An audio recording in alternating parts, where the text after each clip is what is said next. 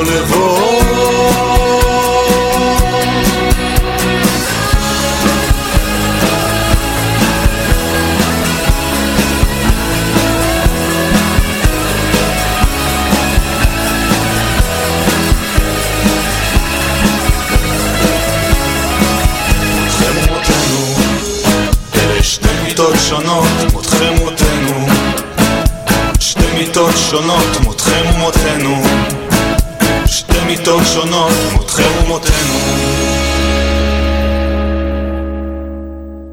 עכשיו בשידור, קול עולה ממעולה, בהגשת ניר אבוש, גיטה ינדבלט ואשר סימנטוב. יום הזיכרון לשואה ולגבורה, ברדיו סול.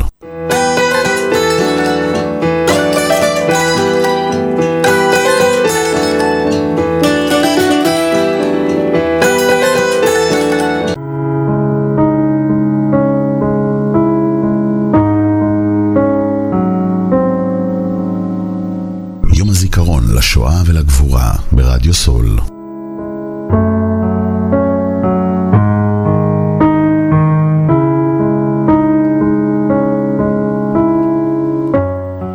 צהריים טובים מאזינות ומאזינים. צהריים טובים ניר, צהריים טובים אה, אשר. צהריים טובים. יום הזיכרון. כן. 2023. א', נגיד רק שגיטאי לא איתנו. גיטאי לא נמצא היום איתנו. נכון, כן. אה, יותר אה, קשה לו. כן, קשה לו עם זה. יותר קשה לו עם הנושא הזה. אפשר להבין אותו. אה, לגמרי. יום קשה הייתי אומר. יום קשה מאוד. יום קשה, לא קל. זיכרון הזה לא קל. הרבה מהשורדים הולכים ונעלמים. אה, לפי מה שראיתי היום בערוץ 12, אה, יש כ-120, 150 אה, מיליון, אלף, אלף, 141. כן, עדיין שחווים את השואה שהיו בתקופה של השואה, ניצולים. ניצולי שואה. כן. כן, בארץ, אה, וזה אה, מעלה את השאלה מה יהיה בשנה הבאה לא ובשנה שאחרי. אותי מעניין מה שיהיה אחרי שאף אחד כבר לא יהיה. כן, זה מה שאני שואל, הרי הם אנשים הולכים ו... נעלמים. ומתים, נפטרים, מה שנקרא. אבל הסיפור שלהם. ובכל זאת, אתה יודע, אז מה יהיה הדור שני, הדור ההמשך, מה, איפה, איפה אנחנו עומדים במצב כזה? אי אפשר לדעת. א', אף אחד לא יודע. ב', ישנם הרבה כן. הקלטות שאנשים מספרים את הסיפורים שלהם, ואפשר כן. להראות גם את ההקלטות האלה, זה גם לשמר זיכרון בצורה הזאת. אפשר גם לשמר זיכרון בצורה הזאת, שמראים כל מיני הקלטות של סיפורים אישיים של אנשים. יש אה, יד ושם עוסק בזה, בירושלים. כן, אתמול אנחנו שידרנו פה את הטקס של אה, יום השואה והגבורה של 2023 מיד ושם. נכון. מיד ושם המחודש. ירושלים. מירושלים. כי היה יד ושם קודם. זה המוזיאון החדש. ולפני כמה שנים פתחו מוזיאון חדש. זה אני יודע נכון. שיש מוזיאון חדש. אז כמה עצוב שאותו אחד שהיה אמור אה, להגיד את... נפטר. לא נפטר, הוא נפטר? נפטר, כן. כן, כן הוא נפטר. אה, כן? כי כן, אתמול אמרו שהוא הובהל לבית חולים. הוא הובן ונפטר. נפטר, כן. אז כאילו אה, יותר... אה, דרמטי מזה קשה. יותר דרמטי מזה, לא נראה לי שאפשר uh, בהחלט uh, נכון. לייצר. לעשות. לייצר. אבל uh, אנחנו uh, בהתחלה התלבטנו אם אנחנו עושים שידור. Uh, כשדיברנו, חשבנו בהתחלה, כאילו, אם, אם בכלל יש לדבר פוליטיקה, לדבר על פוליטיקה לא מתאים. פוליטיקה לא מתאים. לא מתאים ביום כזה, לא. בדיוק, ואז אמרנו... למרות, למרות, למרות שהיו פיגועים, אבל לא נתייחס לזה לא מתאים, בכלל. לא כן, מתאים, אז לא דווקא מתאים. היה אה, פיגוע, ואפשר כן, להתייחס לזה בירושלים, אתה יודע. כן. אבל אז אתה שואל את עצמך, על כל המאורעות שהיו בתקופה האחרונה, והרפורמה, וההפגנות, ואתה מגיע ליום הזה שבו נרצחו שישה מיליון. אז, אז באמת אני שואל, יש שמאל וימין? אז לא היה. אה, אז לא היה. היום, לא. היום. לא ממש. אין, נכון? זאת אומרת, זה לא משנה אם אתה בצד השמאלי של המפה או בצד הימני, אנחנו מגיעים בתור עם ליום הזה, וכולם מתחברים ביחד. נכון. ולרגע נכון. שוכחים מהמחלוקות, ואז אני שואל את עצמי, את השאלה הכי למה היום כן ובשאר הימים לא? למה אנחנו לא יכולים לעשות את זה בשאר הימים, למרות שיש בינינו מחלוקות? זה מה שאני שאלתי כן. אותם בצהריים. וקיבלת תשובה? לא. קשה. קשה, כן. קשה. אז אני רוצה לשאול אני אתכם... מרגיש, אני, אני למשל מרגיש אה, שליחות שהגעתי לשידור הזה. נ, לגמרי. אתה אני... יודע למה? זה נכון. בוא נשמע. כי רוב משפחתי הייתה קשורה לשואה. אוקיי. אני זוכר סיפורים מסבתא, מצד האבא ומצד... לפני הסיפורים, השאלה שהייתה, אנחנו נשמע קצת מאשר, כן. על כל הנושא של ה... מאשר, כן. לא, נדבר על ההיסטוריה, כל אחד יגיד מהצד שלו, מהצד שלו, כן, כן, ואחר כך נעבור להיסטוריה. קודם תגיד מה אומר לך יום זיכרון, זה דבר ראשון. בדיוק, מה אומר לך יום השואה? מי רוצה להתחיל? אני אשמח להתחיל. אז בבקשה. אה, אה, אצלי זה אומר אה, על ההיסטוריה של המשפחה שלי.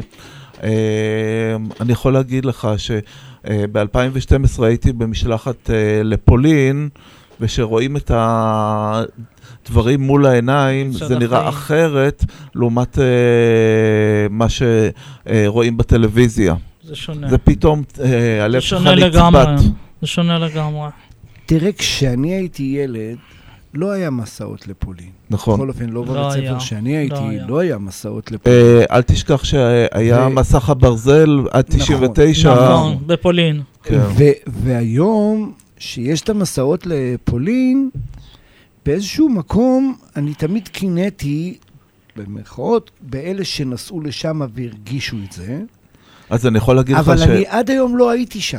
אני יכול להגיד לך... אולי אני מפחד להגיע כדי לראות את הזוועות. להרבה אנשים קשה להתמודד עם זה. היו לך קרובי משפחה שנספו בשואה? מישהו לא, קשר מסוים? לא, לא, לא, לא. אבא שלי היה במאורעות אה, של הפרהוד בעיראק, כן. אבל אה, לא מעבר לזה. אז uh, אצלי, ברגע שראיתי את זה מול העיניים, זה נראה אחרת לחלוטין. זה שונה לחלוטין הסיפור ממה שרואים. פתאום רואים את הגדרות, פתאום רואים את הכל, מה שראיתי בשחור לבן. איך, איך איך בן אדם יכול, לרצוח יכול אחרים. להתמודד מצב כזה. כן. עם הזוועות שהוא רואה. בצורה פיזית מול העיניים. את הנעליים, את השערות, את הבגדים. שם נעליים, לא מעט. נכון. איך אפשר להתמודד? כשהייתי ילד קטן, הייתה תוכנית אה, עמוד אה, האש. כן, זה הסדרה, אני זוכר אותה היסטורית. כן, אה, של יוסי בנאי. נכון. זיכרונו לברכה. נכון. שהוא הגיש את התוכנית. והייתה תוכנית מאוד מרגשת, ופתאום, ברגע שאתה נמצא שם, אתה נוגע בחומרים, פתאום. הכל נראה אחרת. כן. כן, אז אתה שואל את עצמך, כמה רוע...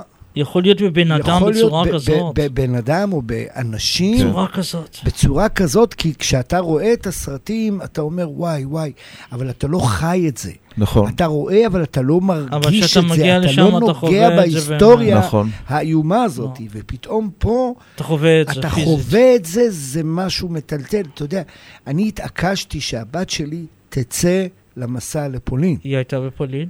היא הייתה. אני התעקשתי כי אני הבנתי שרק אחרי שהיא תראה, הנוער, הדור של היום בדיוק קרה. יבין מה, מה, זאת מה המדינה, קרה. מה, מה זאת המדינה בשבילנו?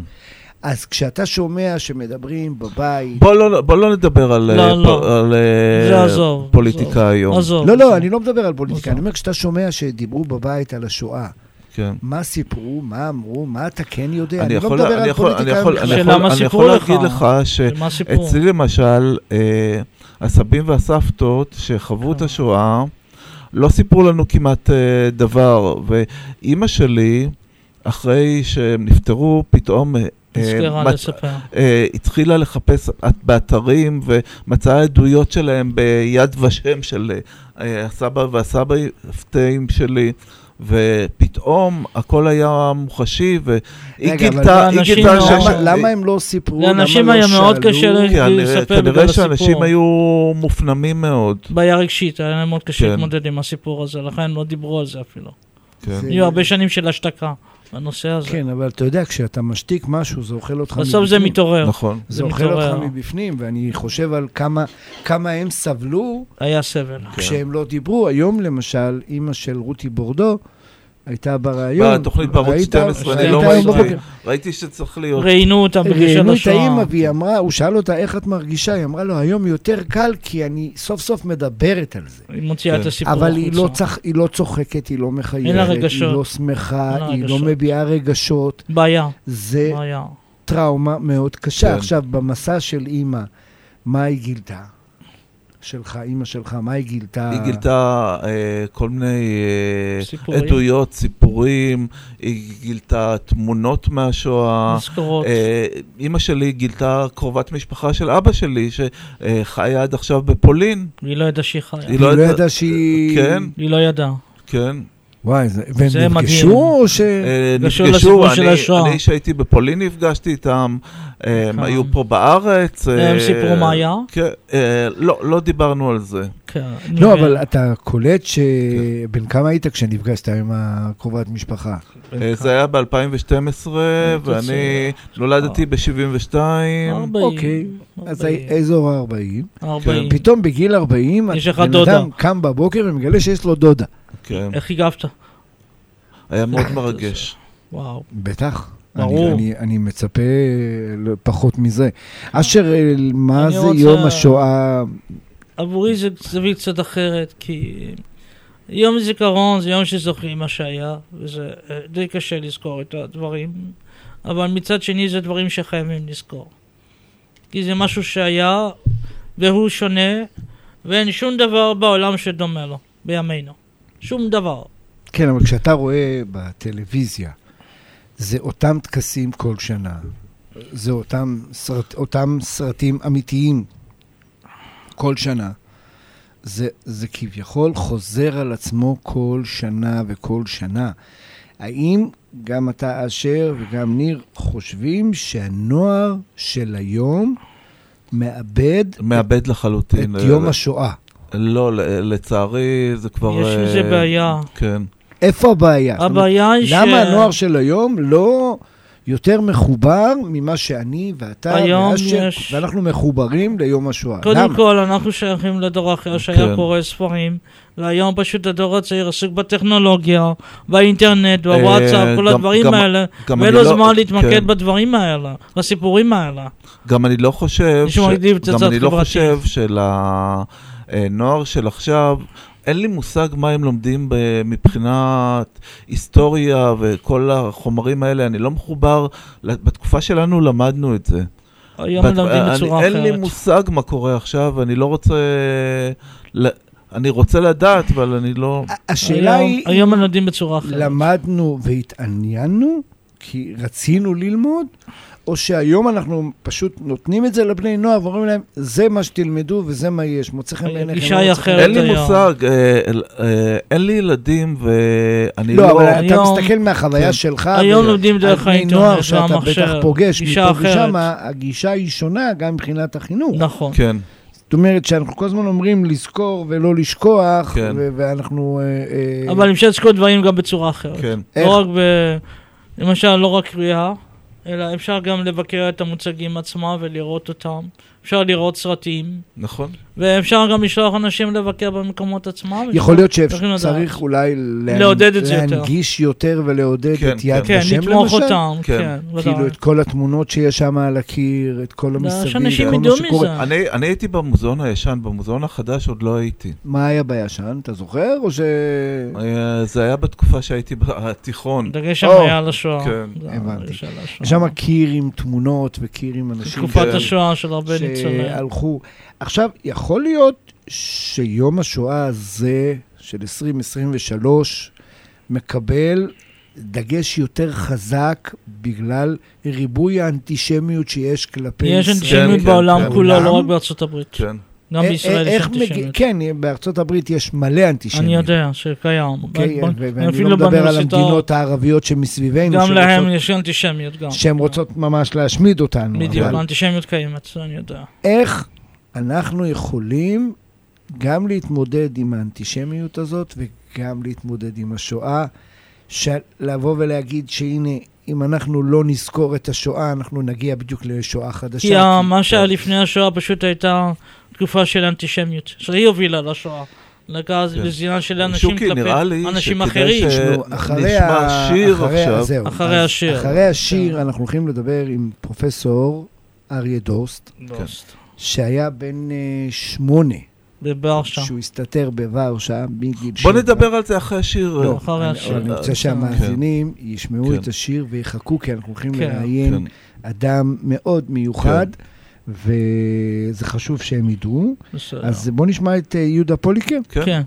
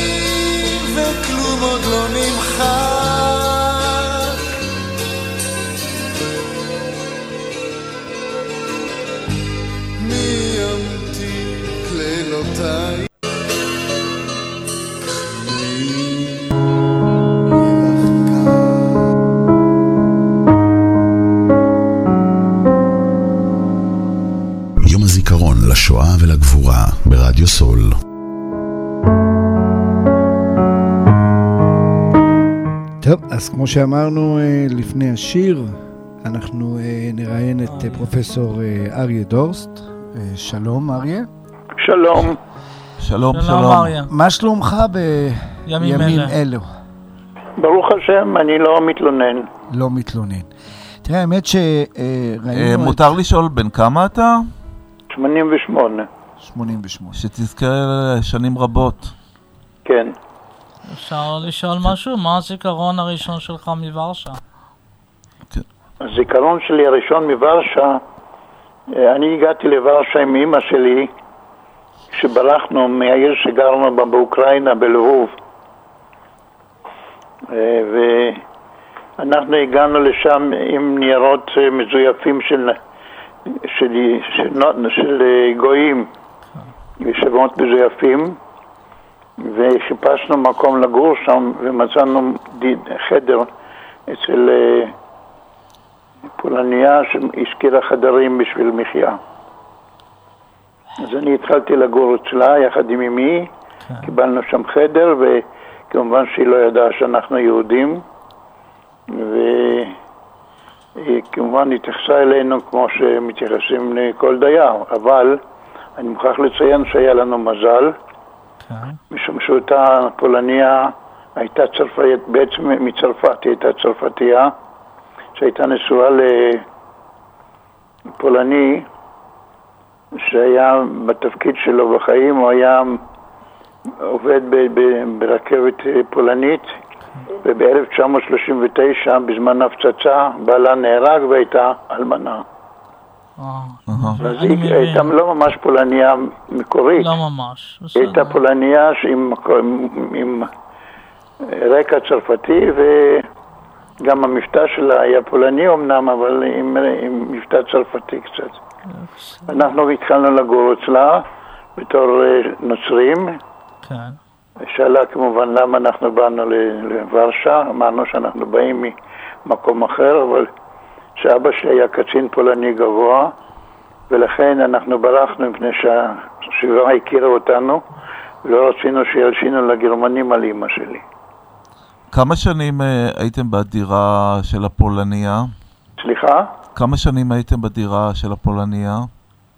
אנחנו הגענו לשם אה, אחרי שגרמנים נכנסו ללבוב, העיר שבה אנחנו גרנו בזמנו, כן. כן. וזה היה ב-41 ואנחנו גרנו שם עד 44. איך הסתדרת באותם שנים? סליחה? איך הסתדרת באותם שנים בלבוב או בוורשה? הקיון שלנו היה מבוסס על על אה, רכוש שאימא לקחה איתה בדרך כשברחנו מלבוב, בעיקר יהלומים ודברי ערך שאימא שלי דרך מכירים בוורשה הייתה מוכרת אותם, ומזה אנחנו היינו מתקיימים וגם משלמים את שכר הדירה. יפה.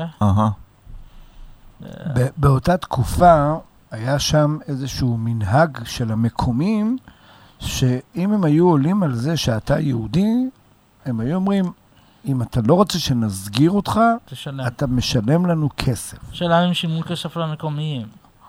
קודם כל זה נכון, ואנחנו נתקלנו בזה, אבל לא בדירה שבה אנחנו גרנו. היה לנו מזל.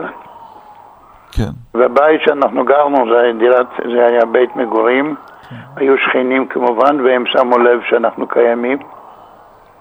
ומי שהיה מאוד חשוב בבית כזה בפולניה היה דורמן. שבכל בית כזה היה דורמן, כן. וכל מי שנכנס לבית היה צריך לעבור על יד הדורמנית הזאת, והדורמנית הייתה מכירה את כל הדיירים וגם הכירה אותנו. בעלת הבית שלנו אמרה לה שזאת אימא, שאימא שלי היא אשת קצין פולני גבוה, והפולנים מאוד מאוד לויאליים לקצינים שלהם, נכון. ושהיא הבינה, שומרת, שצריך לשמור עלינו. והאמת שלא באו אלינו כמעט אנשים, אבל היא הייתה מסננת כל דבר, וזה היה בידיה גם אה, לעצור את מה שקורה, אם היה איזה בעיה.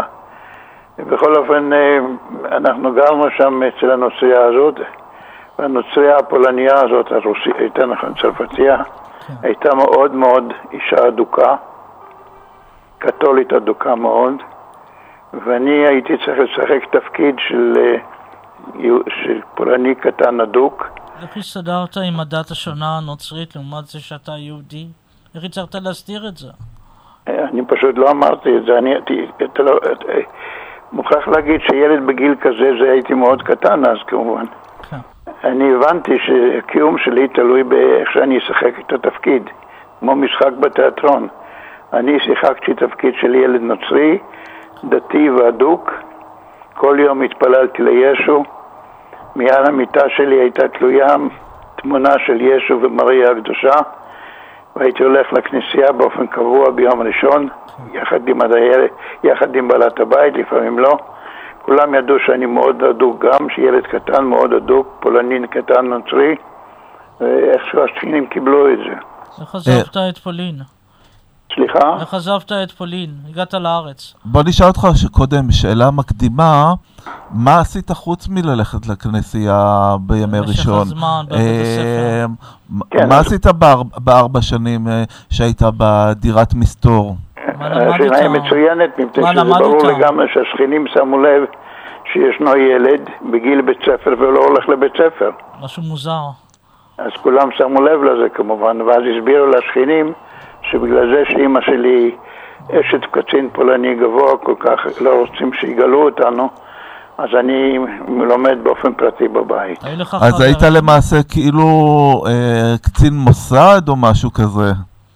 מה הייתי? היה לך כאילו קרבת משפחה של אה, כאילו איש מוסד או משהו כזה? לא, לא היה לי. לא, לא הסיפור לא. כיסוי. הסיפור כיסוי שלי לא היה סיפור כיסוי. מה שאני סיפרתי היה צריך כן. להתקבל על ידי שכנים, כן או לא, אבל הם קיבלו את זה. הם קיבלו את זה מפני שגם בעלת הבית שלנו האמינה בזה, וגם השומרת של הבית, שהייתה דמות מאוד חשובה בבית, היא קיבלה את זה, והם הבינו, השכנים, שהילד הזה לומד בבית באופן פרטי ומפחד ללכת לבית ספר.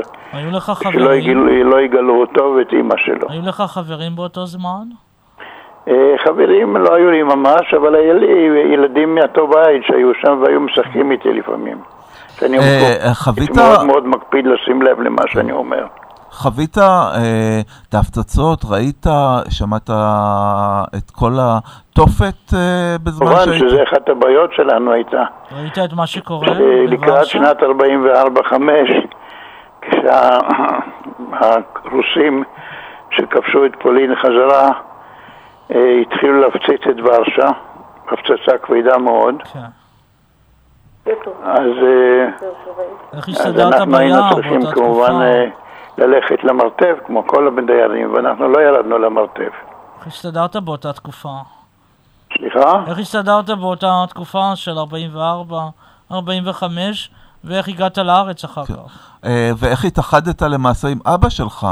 המשפחה. התאחדנו עם אבא שלי אחרי המלחמה, אבל לפני זה אני צריך לספר לכם איך הגעתי לכל כן, המצב הזה. נכון. דבר ראשון, רק שתוך כדי אנחנו מקרינים את הבית של המשפחה. בלבוב בפולין, את המצגת. כן, בסדר. שתדע רק שאנחנו עוברים, אנחנו רואים את לבוב בתקופת השואה. ואנחנו רואים את הגטו ואת הבית, וממש הבית היה בין מחנה העבודה לגירוש לבין גטו לבוב. כן, נכון. זאת אומרת, בין שני הזוועות האלה, עוד אנשים... ואנחנו עזבנו את הבית הזה ב-41, לקראת 42. אה, מה שקדם לזה זה הייתה, היו האקציות שהגרמנים עשו, הגרמנים נכנסו ללבוב ב-1941 ביוני ומיד התחילו עם אה, אקציות נגד יהודים. שלוחים לאושוויץ. ואנחנו היינו, באותו רחוב שגרנו, רחוב ינובסקה, היה מחנה גדול, מחנה ינובסקה, שלשם היו מביאים את היהודים שתפסו. באקציות, האקציה זה היה מצב שבו הגסטאפו, האס-אס היו הולכים מבית לבית, משפחה יהודית לאחת לשנייה, ומוצאים את כל אלה שלא היה להם אה, רישיון עבודה אצל הגרמנים ומביאים אותם לשם. משם עשו, או, או שהרגו אותם שם במחנה ינובסקה, או שעשו סלקציה ומשם העבירו אותם לאושוויץ. זה מה שחשבתי לאושוויץ כן. בדיוק, זה מה שחשבתי. אני יכול להגיד לך שאני הייתי באושוויץ וזה נראה זוועה, פשוט זוועה. כן. בכל אופן, אנחנו עברנו את התקופה הזאת. אה, וראינו שאי אפשר להישאר בלבוב. חזרת לשם? ללבוב? כן, אחרי המלחמה, עכשיו חזרתי. יש פה את התמונות שאנחנו רואים, שבתוך הבית, כן, החצר הפנימית מתי חזרת? לפני המלחמה, אני מקווה, עם אה, הרוסים. לפני המלחמה בין רוסיה ואוקראינה, אתה מתכוון? כן. לא, מזמן נסעתי לשם. באיזה שנה בערך? מתי נסעתי ללבוב? כן. לפני איזה עשר שנים, אולי יותר. אהה. והיית גם בפולין מאז? כן, בוודאי. אה, היית במשלח, במשלחת... לא, לא, לא, אני עשיתי את זה באופן פרטי. כן. לקחתי את המשפחה שלי והזמנו אה, אוטובוס קטן ושלקחו אותנו לכל מקום ואנחנו, אני הראיתי את זה לילדים שלי, יותר נכון לנכדים שלי. את המקומות שאני עברתי בהם את המלחמה. מה הסיבה שהגעת ארצה? אה, איך, איך הגעת לארץ אה, אחרי, בשנת 44? איך הגעת לארץ? אז זהו, קודם כל, אני הייתי לבדי במלחמה יחד עם אמא שלי, כי ב-1941 בלבוב, כשהגרמנים עשו מבצע ברברוס, אני לא יודע אם שמעתם על זה, שהם תקפו את רוסיה. כן. עוד מעט אשר ידבר על ההיסטוריה, ואז אנחנו נוכל גם אה, לשמוע ממנו על כל הסיפורים האלה. אבל אני אשמח שתפרט קצת. יותר את הסיפור שלך, איך הגעת לארץ. אז זהו, זה קשור לזה. כן. אה, אני... אנחנו גרנו בלבוב מ-1939 עד 1941, הרוסים נכנסה ללבוב. המלחמה פרצה, הגרמנים תפסו חלק מפולניה נכון, ב-39, נכון. והרוסים תפסו את החלק המזרחי שיחד איתנו שגרנו שם. נכון, ואבא שלי עבד בתור רופא, הוא היה רופא נשים, והיה לו קשרים בצבא הרוסי מפני שהוא טיפל שם בנשות הקצינים. הייתה לנו תקופה לגמרי לא רעה, אז שהרוסים היו אצלנו. אבל כשפרצה המלחמה והיה מבצע דולורוסה, הרוסים שבאו אלינו הביתה בלילה ואמרו לאבא שלי שהוא היה רופא, אנחנו צריכים אותך בצבא, וכמו שהוא היה, כך לקחו אותו ונעלם ויותר לא שמענו ממנו במשך ארבע, חמש שנים. וואו. מדוע בחרת להיות רופא? לא, בוא נתחיל, איך, איך הגעת לארץ בכלל? אז אני מגיע לזה. כן. אז אבא שלי היה, אנחנו לא ידענו שהוא בארץ, אנחנו ידענו שהצבא הרוסי לקח אותו. אה. ואנחנו נשארנו עם אמא בתור אלמנה, וככה הסתתרנו שהיא אישה של קצין פולני, ועברנו את השואה, ו... אבל לפני שזה נגמר, הייתה נוסף, היו שני אירועים חשובים בתקופה הזאת, מלבד הפצצות של הרוסים שאחר כך היו, שהם התקדמו לכיוון ברלין, אבל אה, לפני זה הייתה, היה מרד גטו ורשה, ואימא של אימא שלי, הסבתא שלי הייתה שם בגטו עם חלק מהמשפחה. ואנחנו היינו צריכים לראות את כל העשן מהגטו, שאיך שהם נספים שם כל האנשים האלה. ואנחנו היינו צריכים לשחק תפקיד, שכאילו זה לא מעניין אותנו בכלל, כי אנחנו... וואו, זה מאוד מרגש. גויים ולא, אין לנו שום קשר עם יהודים. אחרי זה, מה שקרה... שהיה מרד של הפולנים בוורשה לקראת סוף המלחמה. כשהרוסים התקרבו לוורשה, הם כבשו את החלק המזרחי של ורשה, שקראו לו פראג. והם עמדו בפראג הזה על הגבול כמה זמן, והפולנים החליטו לעשות מרד בוורשה, לאפשר לרוסים לחצות את נהר ויסלה, שזה היה הנהר שהפריד בין החלק הזה של ורשה פראג ובין החלק השני המערבי. אנחנו היינו בחלק המערבי, ואז הפולנים עשו מרד שקראו לזה מרד ורשה, פולני, לא של יהודים. פולני ב-44. ובמקרה אנחנו נקלענו ברחוב, הלכתי עם אמא שלי ברחוב, ופתאום המורדים הפולנים אה, פנו לאנשים שעברו ברחוב, אמרו, אתם צריכים אה, לברוח מהרחוב כי יש פה עכשיו מלחמה, והכניסו אותנו לאחד הבתים שעברנו על ידו במקרה בדרך. ומשם נכנסנו למרתף של הבית, והיו שם דיירים של הבית כמובן גם, ואנחנו מהרחוב, פולנים ופולנים, אז כמובן שמאוד העזרה ההדדית הייתה גדולה מאוד, אבל בסופו של דבר הגרמנים כבשו את האזור הזה נכון. במרד ורשה, נכון. הוציאו אותנו משם ולקחו אותנו ברכבת למחנה, במחנה שהקימו אותו במיוחד בשביל אנשי ורשה, לא יהודים, פולנים, שהיו במרד. שקראו לזה פרושקוב, זו הייתה עיירה כ-20 קילומטר מוורשה, שהם עשו מכונה, ואנחנו עם אימא שלי, יחד עם כל הפולנים האחרים שנתפסו במרתף הזה, שהיינו שם בזמן המרד, הביאו אותנו ברכבת למחנה הזה, אבל אנחנו ברחנו מהמחנה לפני שנכנסנו למחנה, המחנה הזה היה בפרושקוב. כן. לברוח. ואנחנו בדרך למחנה, אנחנו עברנו את הרחוב שבו עברנו עליו, ומצד שני של הרחוב עמדו כל אנשי פרושקוב, הפולנים, שרצו לעזור לאלה שנכנסים למחנה, וכל פעם קבוצה קטנה ברחה. מצד אחד של הכביש לצד השני, מצד המחנה, ברחו לקהל שישב ברחוב מצד שני, התערבב בתוך הקהל.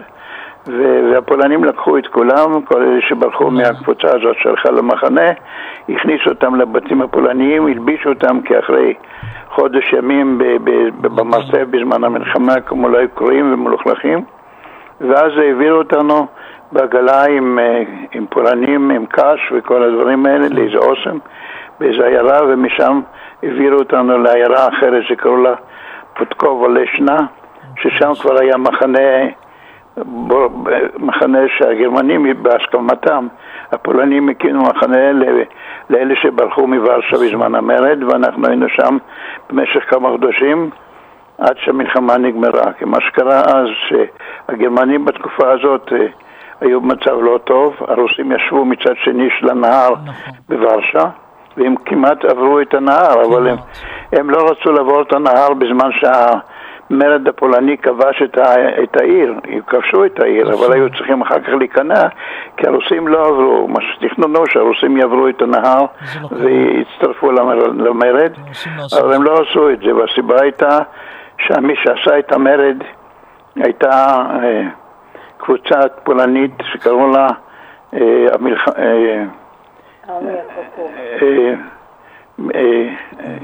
חיילים של, של, שהם היו תחת השפעה של המערב ולא של הבריטים, של הבריטים בעיקר. הרוסים לא רצו שיגידו שהבריטים עזרו להם לכבוש את ורשה, אז הם לא עברו את הנהר, לא ונתנו לגרמנים הזדמנות לכבוש אותנו בחזרה. אבל אחר כך, כשהיינו כבר בפוטקובו לשנה, שם במחסן, במקומות ששם אחסנו את הפולנים הבורחים, כן, אה, בסופו של דבר אה, הם פתחו באופנזיבה, הרוסים עברו את נהר ויסלה והגיעו לאזור שבו אנחנו גרנו. ואנחנו עוד זוכרים את היום שהטנקים הרוסים, שמענו את הצלילים שלהם, מכניסים לתוך העיירה, והגרמנים בורחים ורוצים, מחפשים בגדים מזרחיים לא להיות לבושים בתור חיילים גרמניים, והם ישבו שם. ואז למעשה עליתם לארץ? לא, לא כל כך פשוט. אנחנו קודם כל כבשו את העיירה, הרוסים כבשו את העיירה בלי הרבה מלחמה, מפני שגרמנים כל הזמן ברחו בכלל, לא נלחמו. לא, לא ואנחנו היינו תחת כיבוש רוסי. ואז היינו צריכים אה, להחליט מה אנחנו עושים, לא, לא נשארים שם בעיירה הזאת. רצינו לחזור ללבוב, אבל זה היה מסובך, אבל היינו על יד ורשה, אז החלטנו שאנחנו קודם כל חוזרים לוורשה.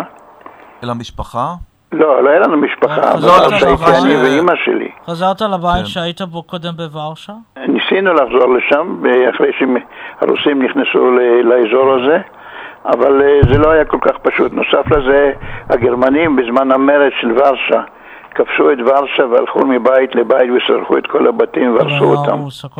אבל אנחנו לא ידענו את זה כמובן, אנחנו היינו בעיירה הזאת פוטקובו לשנה. אתם לא ידעתם את זה. וזה 20 קילומטר בערך מוורשה, ואמא ואני החלטנו שאנחנו יום אחד קמים בבוקר והולכים ברגל לאורך מסילות הרכבת, רכבות כמובן לא נסעו עד אז. נסענו, הלכנו ברגל לאורך המסילה כל היום, עד שהגענו לפנות ערב לוורשה. ברגל העיר הייתה ארוסה, היו שם כמה יש, תושבים שהסתובבו ברחובות, עשו מדורות, ישבו על יד המדורות, ואנחנו ככה בילינו את הלילה על יד המדורה. ולמחרת בבוקר המליצו לנו לעבור את הנהר ולהגיע לפראג, ששם הרוסים ישבו שם כבר כמה שבועות לפני שהם פתחו באופנזיבה בהתקפה, והמקום היה הרבה יותר מסודר. אז עברנו את זה, עברנו את הצד, לצד השני, ויש לציין את זכות היהודים, שכבר אז, למרות שזה היה רק אה, בהתחלת הדבר, שהרוסים נכנסו לשם, כבר הסוכנות היהודית פתחה שם משרד. כן, היה משרד עלייה.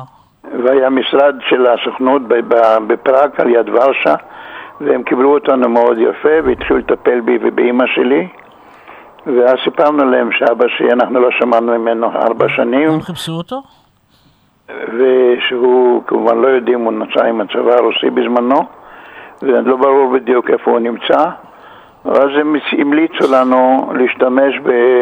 הודעות רדיו שהיו אחרי המלחמה, שמשפחות מחפשות אחת את השנייה. חיפוש קרובים, כן, מדור לחיפוש קרובים, זה היה... אני זוכר שהייתי ילד... גם אבא שלי השתמש בזה וגם אנחנו. אני זוכר שהייתי ילד קטן, היה את זה ברשת א' וברשת ב'. היה, היה. כן. קובי ברקאי ארגן את זה. כן. זהו, אז אנחנו נתנו הודעות ברדיו, וגם אבא שלי נתן את ההודעות ברדיו, ומישהו שם מהסוכנות שם לב לזה, הוא הודיע לנו שאבא שלי קיים בארץ ישראל. איך הגבת? ושהוא מחפש אותנו, ואנחנו כמובן יצרנו קשר דרך הסוכנות עם אבא שלי. אבא שלי, מה שהוא עשה, שהוא היה ברוסיה בתור חייל רוסי, אבל הוא ברח מהצבא הרוסי ועבר לצבא אנדרס שהיה אז. כן. הבריטים הקימו צבא שקראו לו צבא אנדרס בטהרן. אז הוא מהצבא הרוסי עבר לאנדרס, ועם אנדרס הוא הגיע לתל אביב, הוא היה רופא, התחיל לעבוד בתל אביב. רופא למה הוא היה? רופא נשים. נשים, זה התחום שלו היה. והוא עבד בתל אביב, וכמובן חיפש אותנו, ואז הוא פתאום שמע שאנחנו קיימים. עכשיו הוא פנה לבריטים שיאפשרו לנו לעלות לארץ, כי הייתה תקופה אז בארץ ישראל שלא נתנו ליהודים לעלות, כפי שאתם זוכרים בוודאי. סבא וסבתא שלי היו גורשו לקפריסין. נכון, גורשו לקפריסין. ויש פה ראינו את ה... אבא שלי בצבא אנדרס היה תחת חסות של הצבא הבריטי. הוא קיבל אישור מיוחד בשבילי ובשביל אמא שלי להביא אותנו לארץ. ובאיזה אונייה הגעתם לארץ? אז זהו, אז זה גם לא היה פשוט כל כך, מפני שאנחנו היינו בחלק המזרחי של פולין, וששם הגיעו הרוסים כמובן. אמא שלי נתנו לה בינתיים עבודה בתור אם בבית יתומים, עד שסידרנו את העניינים עם אבא שלי. ואז היינו צריכים, הסוכנות אמרה לנו, אנחנו לא יודעים איך להעביר אתכם לארץ, שאתם צריכים להגיע לנפולי, לאיטליה, לרומא, ואם תגידו, תצליחו להגיע לרומא, תפנו שם לסוכנות והם יטפלו בכם. אז אנחנו הלכנו עם אמא שלי, יום אחד אז לא הייתה עבודה, יחד איתי, הלכנו לתחנת רכבת וחיפשנו רכבות בכיוון לאיטליה. מעניין שכמו שאבא שלי, אבא שלי גם כן... זה היה מאוד לא מסודר, אז כמובן זה היה מיד אחרי המלחמה. נסענו מתחנה לתחנה, דרך צ'כיה הגענו בסופו של דבר לאיטליה, לרומא. שם ברומא קיבלו אותנו אנשי סוכנות יהודית, באמת טיפלו בנו יפה, אחסנו אותנו. חיפשו דרך איך להעביר אותנו לארץ ישראל. ואז מצאו אוניית מלחמה איטלקית. ריימונדו מונטו קוקולי, אם תסתכלו בוואטסאפ, לא, בגוגל, תבואו ריימונדו מונטו קוקולי, תראו את התמונה של האונייה, במקרה אני חיפשתי ומצאתי אותה. ואז אנחנו עלינו על האונייה הזאת יחד עם כמה פליטים אחרים, והאונייה הזאת נסעה לקבל את האיטלקים שהיו שבויים בצפון אפריקה, אז היא נסעה לפורט סעיד.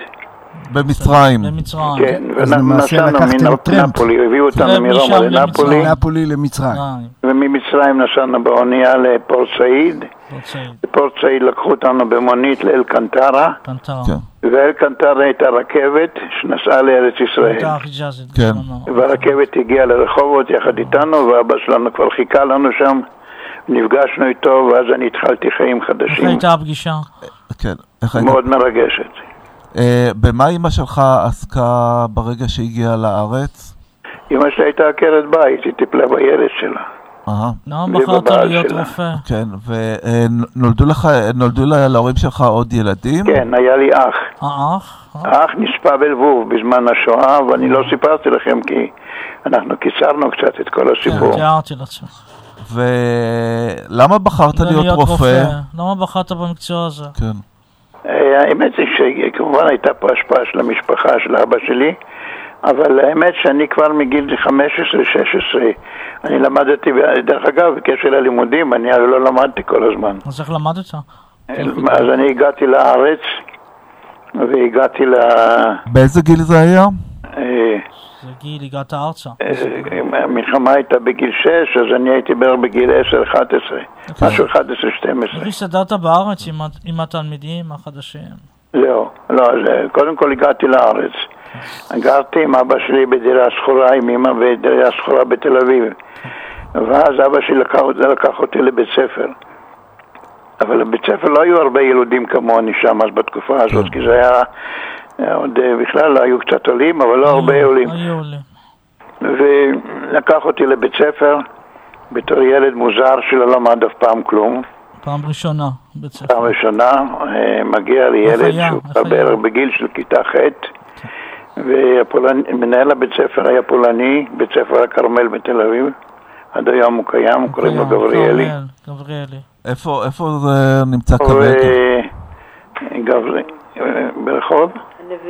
ברחוב הנביאים בתל אביב יש בית ספר, קוראים לו גבריאלי, אז קראו לו בית ספר הכרמל. היה פעם כרמל. והמנהל של הבית ספר היה פולני במקרה, כי היו הרבה, בתקופה הזאת היו הרבה יותר פולנים ממה שיש היום. נכון. הוא היה גם פולני, הוא היה מנהל בית ספר. אז יכול היה לדבר איתי, כי אני לא ידעתי בכלל את השפה העברית. אז פולני דיברת. אבא שלי אמר לו שזה ילד שיהיה ניצול שואה וזה, וצריך לחפש לו מקום לימודים. והוא מבקש שיקבל אותו לבית ספר ויכניס אותו לכיתה. איך הסתדרת עם הילדים בכיתה? ועם השפה? השפה העברית גם.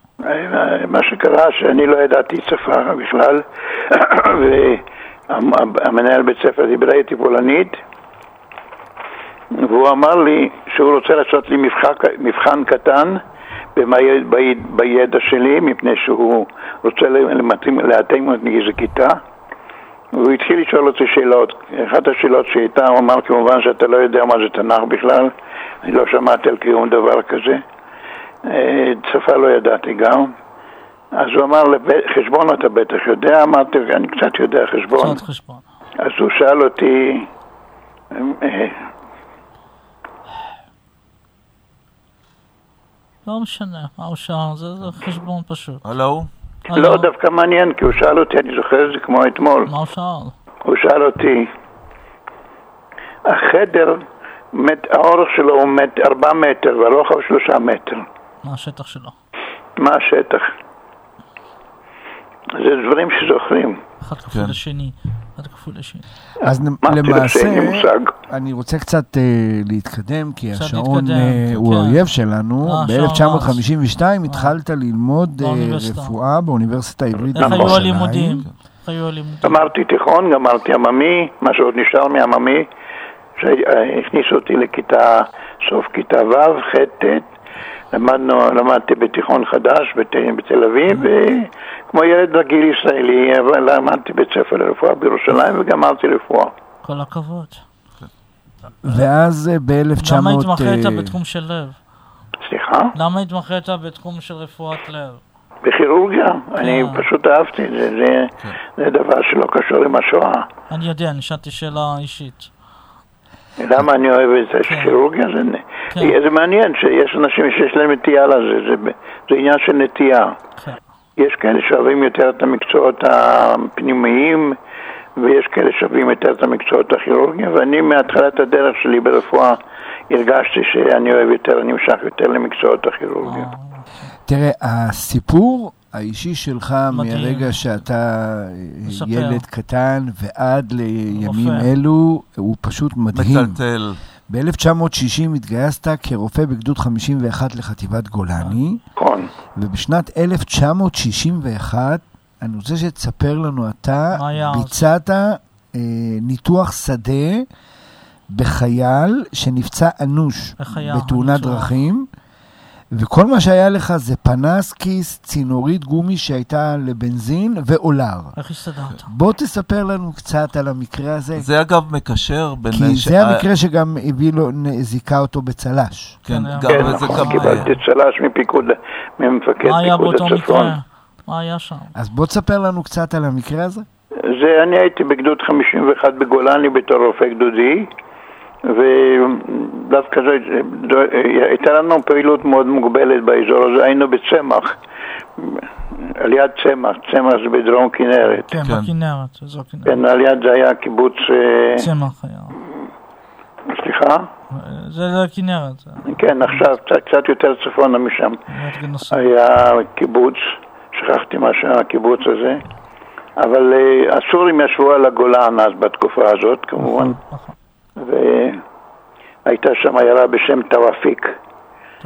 טאופיק עליונה ותחתונה, ואנחנו, הזחלמים שלנו, אסור היה להסתובב שם, כי היה שם שטח מפורז, אז בשטח המפורז הזה אנחנו בתור גולני היינו צריכים להסתובב במדי משטרה, כי למשטרה היה, למשטרה היה מותר היה, מותר למשטרה להסתובב שם, אז אנחנו היינו במדי משטרה.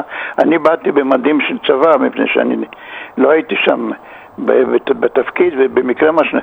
מה שקרה בעצם זה ככה, כל, כל יום היה עולה זחלם, או שני זחלמים היו עולים שם על איזה גבעה מול תרפיק, על יד קיבוץ האון, oh, no. בשביל להראות לכולנו שזה שטח שלנו, והיו עושים סיבוב כזה.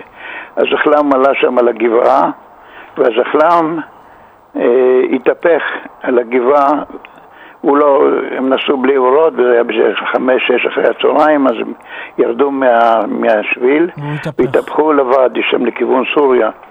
ואז אה, כמובן שאני במקרה הייתי שם, אני הייתי חבר של מפקד המחלקה שם, מפקד הפלוגה בעצם. ו... למעשה זה מקשר בינינו, בין יום השואה שאנחנו כן, היום, נכון. ליום הזיכרון שיהיה בשבוע נכון, הבא. שבוע, נכון. אז אתה קשור גם ליום השואה וגם ליום הזיכרון. לשניהם. נכון, אז מה שקרה אז במקרה הזה, שאני בכלל לא הייתי צריך להיות שם, כי זה, זה היה מחלקתי, הזחלמים היו מחלקתיים. מפקד פלוגה היה איתי. הוא בא רק לראות אם הכל בסדר, אז הוא אמר לי בוא ניסע לקפוץ לראות את החברים. נסענו בג'יפ לכיוון המקום הזה, ופתאום שמענו רעש גדול, והסתבר שהזחלם התחיל להתגלגל לכיוון ואדי שם, וכל החיילים שהיו בזחלם, כולל מפקד המחלקה שהיה איתם, הם פשוט אה, נשפכו בשטח. אני במקרה הייתי שם יחד איתו, אז הלכתי איתו לראות מה קורה, והסתבר הסתבר שהחיילים היו מפוזרים בשטח, אז החלם התגלגל למטה. אה, מפקד המחלקה שישב על יד הנהג, הראש שלו נקטע, הוא שכב שם בלי ראש, והיו הרבה חיילים שהיו זרוקים בשטח, פצועים בכל מיני דרגות, אבל שמתי לב שאחד החיילים הוא מאוד מאוד מתקשה בנשימה, עברתי על ידו, ראיתי שהוא מאוד מאוד נפוח, היה לו אוויר מתחת לאור. הגאון שם לעשות. כי מה שקרה שהוא כנראה שבר צלעות וקראו לו את הריאה והאוויר מהריאה לא יכול היה לברוח מהגוף. אני ידעתי שהדבר היחידי שיכול להציל אותו נכון. זה אם נפתח לו פתח בבית החזה ואז נוכל לשחרר את האוויר הזה כי אחרת הוא ימות. נכון. אבל מה אני יכול לעשות? אני נמצא שם בלי כלום. יש אולר שעוזר. אבל אה, אולר היה של, של, של, של הצבא, היו כל, אחד קיבל עולם. זה עזר. ואז אני הבנתי שאני חייב לפתוח לו את בית החזה בשדה, והיה שם חובש היה איתו, חובש חובש שלי, כי אני הייתי רופא הגדודי, אבל אני אמרתי לו מיד, אבי, קראו לו אדיקה, אמרתי לו, אדיקה תמצא לי איזה צינורית, שנשחרר לו את האוויר מהחזה. אדיקה לא היה לה שום צינורית, אבל החיילים אמרו שם שיש צינוריות לבנזין בזחלם. אז הוציאו את הצינורית ואני פתחתי לו את בית החזה בלי כלום, ככה בשדה. דחפתי את האצבע של החזה שלו, דחפתי שם צינורית ואז האוויר השתחרר ואז כמובן התחיל להגיע לשם אמבולנסים צבאיים לקחו אותו לפוריה, ושמו לו ניקוז חזק נורא. תקשיב, אנחנו קראנו את הסיפור חיים ואת הדברים שעשית. ב-1972 הקמת את יחידת ההשתלות הראשונה, היית מנהל מחלקת כירורגית בביקור חולים, כיהנת כיושב ראש איגוד הכירורגים בישראל. לא, העיקר התפקיד שלי בחיים היה בהדסה, לא בביקור חולים. בהדסה. בביקור אה, חולים אני כבר הייתי בסוף הדרך שלי כשיצאתי לפנסיה מהדסה. נתנו לי הזדמנות לעבוד בביקור חולים, גם אז הייתי שם מנהל מחלקה זמנית, תקופה מסוימת. האויב שלנו הוא הזמן, ולצערי אנחנו... אה, הזמן, כמובן. אנחנו צריכים יותר משעה כדי לשמוע את הסיפור המהמם, המדהים הזה שלך, מהיותך ילד אה, בפולין ועד להיום, ואנחנו אה, כאן בתוכנית נשמור לנו את הזכות לראיין אותך עוד פעם אחת. ולהמשיך לשמוע את הסיפור, את החיים המדהימים שעברת. אנחנו רוצים להגיד לך תודה רבה. תודה רבה. מאוד התרשמנו ומאוד נהנינו לשמוע. תודה רבה. תודה רבה לכם. תודה. זה מאוד מעניין. ביי. זהו, כן. אני חושב שהגענו לסיום התוכנית. כן. מה שנשאר, כבר לא נספיק לדבר אחרי סיפור כזה מדהים, אנחנו לא נכון. נספיק להגיד כלום. השיר שנבחר הוא של אביתר בנאי. בוא רק נסיים בצורה מסודרת. אנחנו מסיימים בצורה מסודרת. תודה רבה לשוקי. תודה לאשר ולזה. אחרינו, כי אני חייל, בהגשת הולי שוורץ, תוכנית שתוקדש גם ליום הזה. והשיר שאנחנו הולכים לשמוע, אביתר בנאי, יש לי סיכוי. להינצל. יש לי סיכוי להינצל, אני יודע. אני אוכל להתעורר, להתפכח. אני אוכל עוד לדבר באהבה על עצמי ועל העיר ועל אישה. כבר עכשיו אני פחות כועס וגל שקט של רגש מתפקע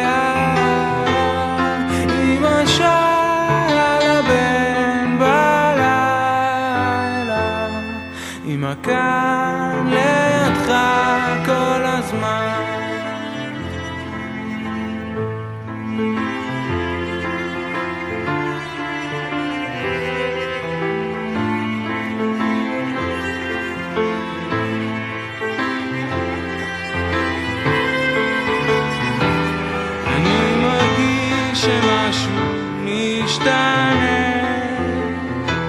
העייפות תחלוף, האור יעלה, ואז אכיר אותך יקירתי, ומיד תכירי את אותי, תמיד פחדתי.